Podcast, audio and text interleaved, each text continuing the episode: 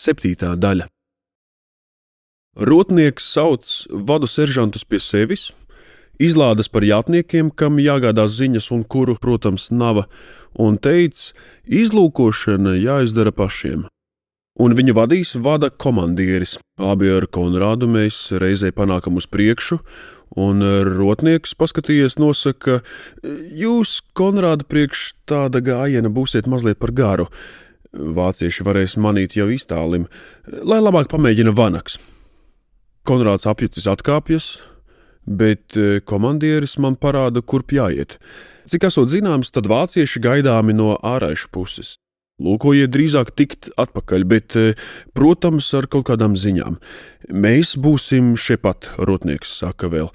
Un pasaucis no sava vada divus e, plecīgākus zēnus, es iesāku tos vest uz priekšu. Sākumā pa ceļu, tad vēlāk eh, pa tā malu grāvjiem, jo lielceļš iet pa kalnu un ceļa gājējs tālu saskatāms arī šī dūmakainā rīta paisumā. Katru mirkli var iesākt līņāt.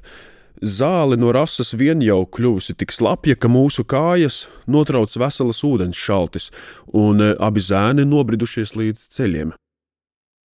Priekšā dzird atkal dažus paslinkus šāvienus, Tie sāk pamazām sprakstēt arī rītu pusē, bet redzams nav nekas. Tik eh, lauki, lejā spalsi miglas lāņi, pakalnā kādas ēkas un šur tur koku puduri. Mēs izkāpjam no ceļa grāvjiem un sākam iet ar mazu līkumu pa lauku, un eh, tad visi trīs reizē un ātri pieplokam pie zemes. Uz ceļa kurš eh, netālu atkal liecas lejup, redz nekustīgu stāvu, un puikas iesākuši aši dvašot. Viens čukst vai drīkstot šaut, tak eh, stāvētāja augums šķiet par tumšu priekš vācu tērpa, un labi vērojuši pamanām, ka nav arī kaskas, bet eh, padusē iemiektas bises durklis šķiet vērsts uz to pusi, no kuras gaidāms ienaidnieks. Mēs ejam klāt, un vīrs ar šauteni izrādās septītās kaimiņa rotas izlūks. Viņš pastāsta, ka arī nesot vēl manījis neviena vācieša, kaut gan te stāvot un klausoties jau labu pusstundu. Runātājam mugurā ir pašausti ar šauru siksniņu jostas vārki. Gaiši ūsainajā sejā atvīd jautrs smaids, it kā sargs te gaidītu nevis ienaidnieku, bet ciemiņus. Kuru ratā viņi būs gan palikuši, ka neredz it nemaz? Zinu un manu, ka lien tuvāk, bet nevar neviena vēlna. Balss runātājam apraujas pusvārdā, viņš iestenas, acis tam kā izbrīnā plešas platas, labā roka pieķer pie krūtīm, kreisā ļauj nokrist rasotajā zālē šautenei, un pats izlūks nogāžas viņai līdzi. Es noliecos pie viņa un redzu, ka tam taisni sirdī ieskrējusi lode gan laikam nākdama no liela attāluma un tāpat vien bez mērķa šauta.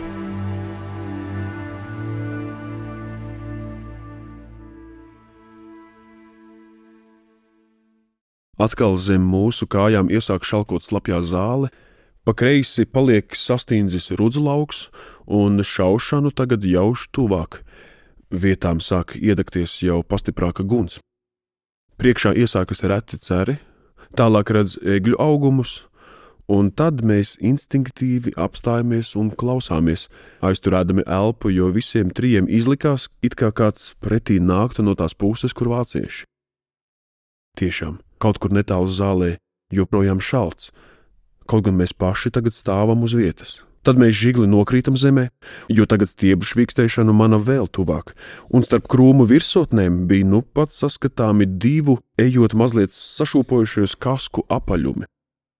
Tie jau pavisam tuvu, un mums sāk lēni celties bises, un no durkļa gala pieskāriena sašūpojas turpat priekšā, nobirdinādams rasu kārklu cera zars.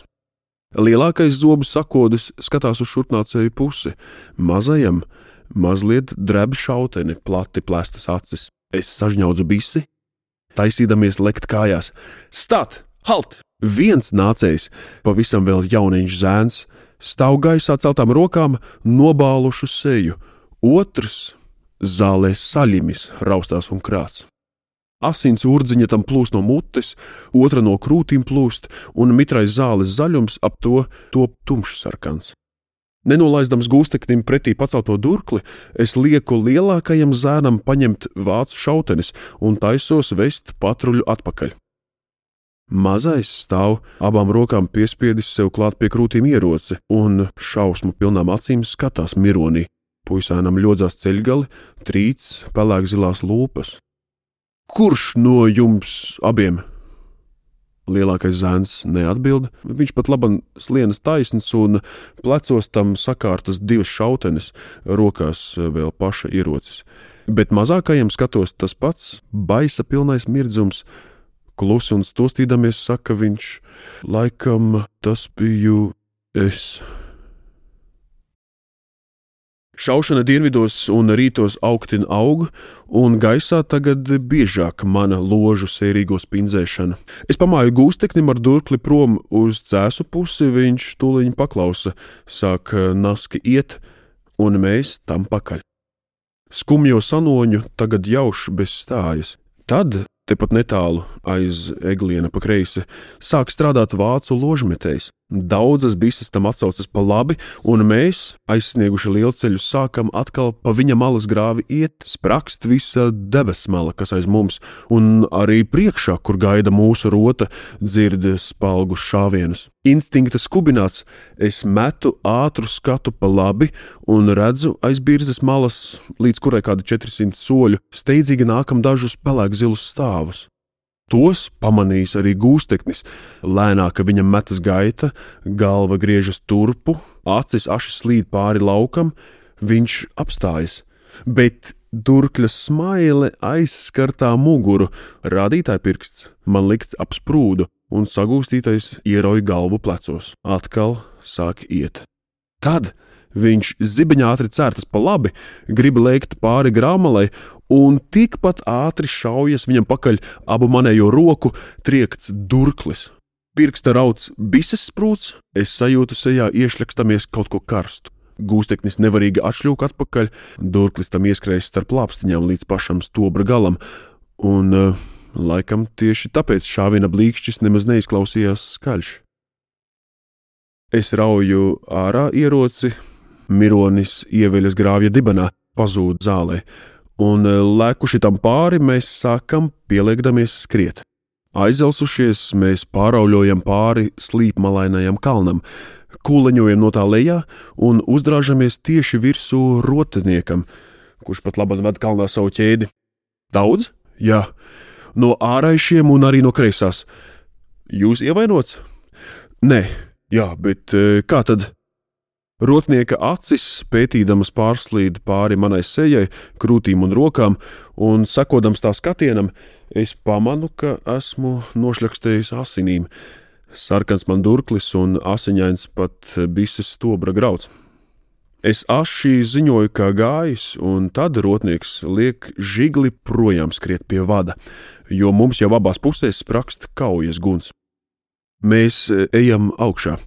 Pāri galvām svilpo vācu lodes, un e, cits tām klanās, cits jau gatavs stomīties, un redz daudz bālu seju. Gluži gaišs ir tagad kaut e, nava saules, tikai apmākušās un slapjas debesis. Augšā puikas, un neklanīties lodēm! Netālu noskan rotas komandiera balss, un Konrāds iebrēcas tālāk pa kreisi, kur viņa vats, kura lode spīdz, tā jau sen garām puikas. Neklanieties, ja rotnieks reiz jums saka, te nav nekādi dancošanas kursi. Salīkuši un mazi, melni stāvi sāk žiglāk virzīties augšup gar kalna sāniem.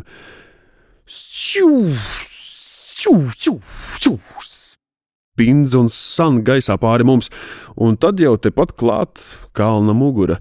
Mēs sākam skriešu skriet, vienā stiepienā tiekam augšā, redzam šķērsotu klaju, pa labi kāds ievaidas, vai māmiņa mīļā! Gāžas tur zemē pasīgs zēns, vēderu saķerdams abām rokām un lejā aizripo realistu melndzeltenā cepure. Apjukušas un bālas sejas, mīņāšanās uz vietas, daži sāk spiesties cits pie cita pulciņos. Nogulties! Zibeņu un elle gulstieties taču! Kliedz rotnieks. Kliedzam mēs, un zēni metas zemē, vērš klajam pretī bises. Pakreisi jau viet vaļā pirmais šāvienas praksts. Tam atsaucas otra un trešā bise, iesākas visā ķēdē juceklīga šaušana. No kalna muguras labi pārskatāms uzbrukuma lauks. Viņā šur tur var manīt pazilganus stāvus, kas virzās tuvāk, lūkodami te žigli skriet, te plaktais krūma vai graumalā, un vēl citi mēģina šurpu līst pa kārklu ceru pilnajām lejām. Steidzīgi strādā skolas zainiem dotās bises. Man blakus gulētāji nikni iecirtuši zobus apakšlūpās, un no sejām jau gaisis nesenais nobālums. Viss lielum lielais viņu šauto ložu vairums gan aiziet eh, mākoņos vai prom uz zilganajiem viņas debesmalas siliem, vēl citas ārda zemi turpat šī kalna nokājē. Tak kāda viņu daļa tomēr kapā arī lauku, kas priekšā mums, jo uzbrucēju virzīšanās it kā stājas, un no to puses sākusi sprakstēt pret mūsu kalnu šauta reta guns. Nojaušot uzbrukumā iestājušos pauzi, turot viņu pa pusē jau par atsistu, mierīgi paliek jauno brīvprātīgo nervi. Rokas un acis nu jau lūko notēmēt, pirksti uz laimi vien vairs nevelk sprūdu, un viens otrs, bāzdams šautenē jaunu patronu tvertni, laiž apkārt acis, vēro, lūko ar draugiem sasaukties. Kur tik mana kādu pakustamies, tur pucē virsū puikas. No kreisās puses atskan dundadznieka kliegta pamācība. Vicojiet baroniem, kas grib no jūsu tēviem prasīt vecās rentes! Lodē mūsējais pulks no jauna salasījās kopā. Bija tāds kā pamieris, bet arī jau tādas valodas, ka drīz sākšoties jaunas kaujas. Tās gaidot, sirds man sila, Konrādam kļuva līksms prāts. Kas nu par pamieru vai mieru, viņš teica, paceldams savas milzīgās rokas. Miers būs tikai tad, kad mūsu zemē vairs nebūs neviena vācieša. Ar šito sugu jākaro līdz galam, un, eh, klausoties Konrāda vārdos, daudziem atkal iesākas smaidīt lūpas. Ar vienu lielāks auga mūsu pulks, un puiku rotā kā mūsējo sauca citu rotu vīri, atgriezās pārnākdami fronti arī tie, kas pēc kaujas bija palikuši cēsīs, vecāku nelaisti. Tie tagad nāca atkal, stājās savās vietās, un mēs sadevām viņiem jaunas šautenes. Pat e, mūsu miroņi tad it kā nevēlējās viņā frontes pusē dusēt, un kādā dienā pie mums ieradās mēms citas saules ceļinieks. Tikko bija beigušās mācības, zēni jautri un skaļi, un tad piepeši kļuva zināms, ka nu pat atvests no cēsīm Edgars Krieviņš, skolnieku rotas pirmais kritušais.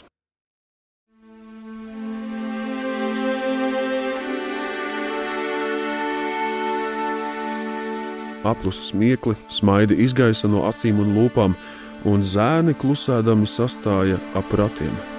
Tiem blakus stāvēja jauna bāla meitene. Iekaisušajās acīs tai nebija vairs asaru, bet eh, šad un tad, kā valdot Elsas, nodarbēja lūpas. Un kāds zināja pačukstēt, tā esot kritušā rotas biedra māsa, kas braukusi vācu frontē cauri turp un atpakaļ, lai viņas mazo brāli glabātu un sektu dzimtenes kapu smilts. Ratos guļ neliels, tumšs, sēgu apklāts augums un kritušajam uz krūtīm uzlikts ceļā plūkts violetu ceriņu ziedu zars. Tās bija Edgara mīļākās puķis, čuksta meitene, kā atbildēdama vārdos neteiktam, mēmam vaicājumam. Zēni saskatās, lēni kāpjas atpakaļ, tad pazūd, bet pēc neilga laika atnāk viens pēc otra, līdzi nesdami ziedošu ceriņu zaru klēpjus kas lausti kur vien gadījušies viņu meklētājiem ceļā, un zem smaržīgu ceriņu ziedu segas pazuda miroņu deķis, virs tā paceļas violetu ziedu kalns.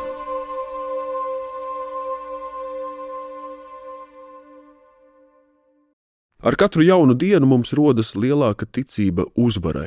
Divi tik stiprāks pēc vīru skaita jau kļuvis mūsu pulks, un liela gabali šī frontē tagad ir arī mums. Igauņi nāk un nāk, vīri kā lāči. Pasaules kara kaujās neizšķiestais viņu sīkstās tautas spēks, pilni augsta nikna naida pret vāciešiem. Ak, jā, šī naida izpaudumu es viņdien redzēju Lodē, kur stacijā pie augsta staba Igauni bija pakāruši divus gūstā saņemtus jaunus baronus. Cilpu aizņauktie kakli tiem bija izstiepušies neticami gari. Sakša kurrat, igauņi nirdzīgi smējās. Skatīdamies, kā pakārto ķermeņus, zīmneša stabā sāk lēni šūpot rīta vējš, un daži, kas mazliet prata latviešu, mums teica: Re, re, ka parro ņauts kungs tanco! Viss saksa no parro sukas vajag pie augstiem kokiem kārt! Man atkal ienāk prātā frontes pārbeidzēju nostāsti par eh, cēsu mācītāju mūžā sagūstīto mūsu pulka vadu, kas apšauts viss līdz pēdējiem. Tad tīreļpurvā vācu apdurtie ievainotie kurzemnieki, 905. gada leģendas, aci pret aci, saka man blakus kāds neredzams. Jeb varbūt tā nu pat runāja manī pamodusies vecā asins naida balss. Jau rītausmā sākusies sengaidītā kauja. Mūsējā rota gadījusies rezervē, un tonu bīda šur un tur. Dimdi lielgabali, ložmetēju klaboņai nav gala, un ir tādas ziņas, ka vāci atkal pārāvuši fronti. Tiešām tā laikam būs, jo kaujas troksnis ziemeļvakaros tagad aizvēļas pa daļai prom arī uz ziemeļrītu pusi, kur vācu nebija vēl. Mūs vadā šur un tur pa raunas ceļu, sūta uz priekuļu pusi, bet priekšā vāci, nikna guns un jāatkāpjas. Atkal mēs sākam klīst uz austrumiem, un tad, nesaņēmis vairs nekādas ziņas, rotnieks pats nolēma uz savu galvu rīkoties. Viņš ved mūs iekšā pirmās ceļā gadījušās mājās, liek atpūsties un saka, ka vajadzēšot šepat turēties, ja nāktu virsū vācieši, jo mājas ir pie paša jaunraunas ceļa. Rotas katlā mums vārās putra, to gaidīdami daži sāk sētas vidū uz tecila asināt savas lāpstas, lai vieglāk būtu ierakties, un māju saimnieks palīdzēdams griež tecilu, saimniece dala maizi un pienu, citi mūsējie turpat dārzā noliekas zem abelēm diendusā, jo esam gājuši gandrīz no paša rīta. Rotnieks nemierīgs un sprauslodams klaigā pa sēdz vidu. Viņš iet dārzā, ārā no tā, iziet uz lielceļa, skatās uz jaunraunas pusi, un Konrāds teica, ka komandieris ožot gaisā vācu smaku. Tā laikam arī ir, jo tikko pavārs sācis putru izdalīt, nāk pavēle liet katliņu saturu atpakaļ katlā, ķert bises, ķēdē skriet. Zēni ņurdēdami paklausa, un mūsu rotu uzņem lielais māju dārzs, kas, sākdamies pie istabas, aizsniedzas līdz pat ceļam un guļot dārza sētas malā, mēs varam gluži labi redzēt pakalnu, eh, kam pāri lielceļš aiziet uz jaunu raunu, bet eh, mūsu ķēdi šķiet būs te grūti pamanīt pat no dažu desmit soļu tuvuma. Gar lielceļu tieši nogulēs Konrāds ar saviem zēniem, pa vidu es, bet eh, seržants ar trešo vadu vairāk uz lauka pusi, pakalnam mazliet tuvāk. Tiešām Rotnieku nav vīlusi viņa nojauta. Mēs tikko esam ieņēmuši savas vietas, kad uz pakalna, līdz kuram tepat puskilometrs, parādās daži velosipēdisti, tādi jātnieki, aiz viņiem automobīlis. Un var manīt, ka aiz tā nāk vēl kādi, kas jāšus vai kājām. Rotnieks piekodina pielaist vācus pēc iespējas tuvāk, lai zēni varētu droši šaut, un Konrāds, lielceļmalā gulēdams, atkārto pusbalsī: Nešaut bez laika, puikas! Re, kādi tiem sātaniem smuki zirdziņi! Zirgi mums dikti vajadzīgi. Lūkosim dabūt ar visiem segliem, uzdāvināsim rotniekam, lai viņam, pavecākam cilvēkam, nav jābizo kājām. Nešaujiet palaidņi par agru, ka neaizbēgtie ar vellapēdiem. Ek, labi noderēs mums pa vakariem meitās braukt. Nešaujiet, kad jums saka, nu, die, tas automobīlis mums ieskries taisni rokās. Nešaut bez laika, nešaut. Jātnieku un velosipēdistu pulciņš tuvodamies auga lielāks. Var just, ka tie nemana briesmas, un plēsīgi jautri gaila zēniem acis, turot šaušanai gatavas šautenes.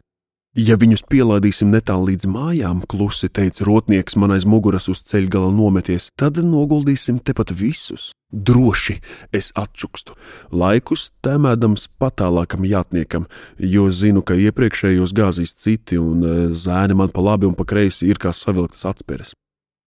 Blauks! Trešā vadā iet vaļā šāviens. Tam pakaļ daži citi, un var redzēt, ka jātnieki sviež apkārt zirgus un apgriežas automobīlis. Velosipēdisti sāk joņot atpakaļ. Velns, lai paroj! Izlādes rotnieks. Ķēdē iesākas juceklīga guns, un var manīt, ka kāds jātnieks nokuleņo no zirga tam pakaļ otrs trešs. Bēgļi pazūdais pakalna, un mēs, īgni un pievīlušies, ceļamies kājās. Trešā vada zēni skrien pāri laukam uz to lielceļa vietu, kur krita jātnieki. Redz skraidām dažus izbiedētus zirgus, bet Konrādu sagrābis nevaldāms izmisuma niknums. Sātani gatavie! Viņš kliedz, pusi raudādams un skriedams uz trešā vada pusi, un draud ar triecienam atvēstu šauteni. Apsist jūs visus kā zoslēnus, lai velti neizķēza valsts maizi! Izjauca mūsu rotai tik feinu numuru, ka tīri jāraud. Kur nu mums zirdziņa, kur vellapēts, kur automobīlis? Trešā vada puikas, pusi nobijušies, mēģina taisnoties, ka pirmais šāviens sprucis vaļā tīri nejauši, un šie citi tad vicojuši pakaļ, lai vismaz kādus nogāstu. Tā Konrāds nevar un nevar norimties. Ja tas tēviņš palaistu kādu citu blīkšķi baznīcā vai kaut randiņā, es neko daudz neteiktu. Cilvēkam visādi var gadīties, bet šaut tādā reizē bez laika, par to zaldātam lielāka grēka nav. Trešā vada zēni nāk atpakaļ, vēzdami pāris tur saķertus zirgus, divi stumji līdzi velosipēdus, bet trījiem kārtas plecos vāciešu šautenes. Vai tas ir viss? Īgni vaicā rotnieks virsseržantam, kas gājis trofeju atnesējiem līdzi. Tieši tā, virsleitnanta kungs, skolotājs salutē. Izsaku jūsu komandētam vadam stingru rājienu. Trofeju varēja būt mazākais piecas reizes vairāk, skarbi noteica rotnieks. Aizgriezamies projām, tad eh, padomā un pavēl mums atkāpties no mājām dažus simtus soļus nost, laukā nogulties. Debesis vakarpusē visas deg saules rietā un tālu ugunsgrēku ugunīs. Vairs dzird tik retus šāvienus, jau manas zvaigznes, augšu plien gar debesmalu mēnesis, un pļavā, kur palsa migla kūp, sākusi čirkstēt grieze, no otras ceļa puses tai atsaucas zemes vēzītis, un neapjaušamas skan abu tumsas zvanītāju balsīs bēdas. Liekas, ka ar tām izvaid savas sāpes mūsu zemes krūts. Izskanēja romāna Dvēseļu putenis, septītā daļa. Fragmentus atlasīja Dzintars Drēbergs, mūzikas autore Lolita Ritmanis, skaņu režisors Ivo Tauriņš, producente Māra Eglīte, lasīja Raimons Celms. Latvijas radioteātris 2019.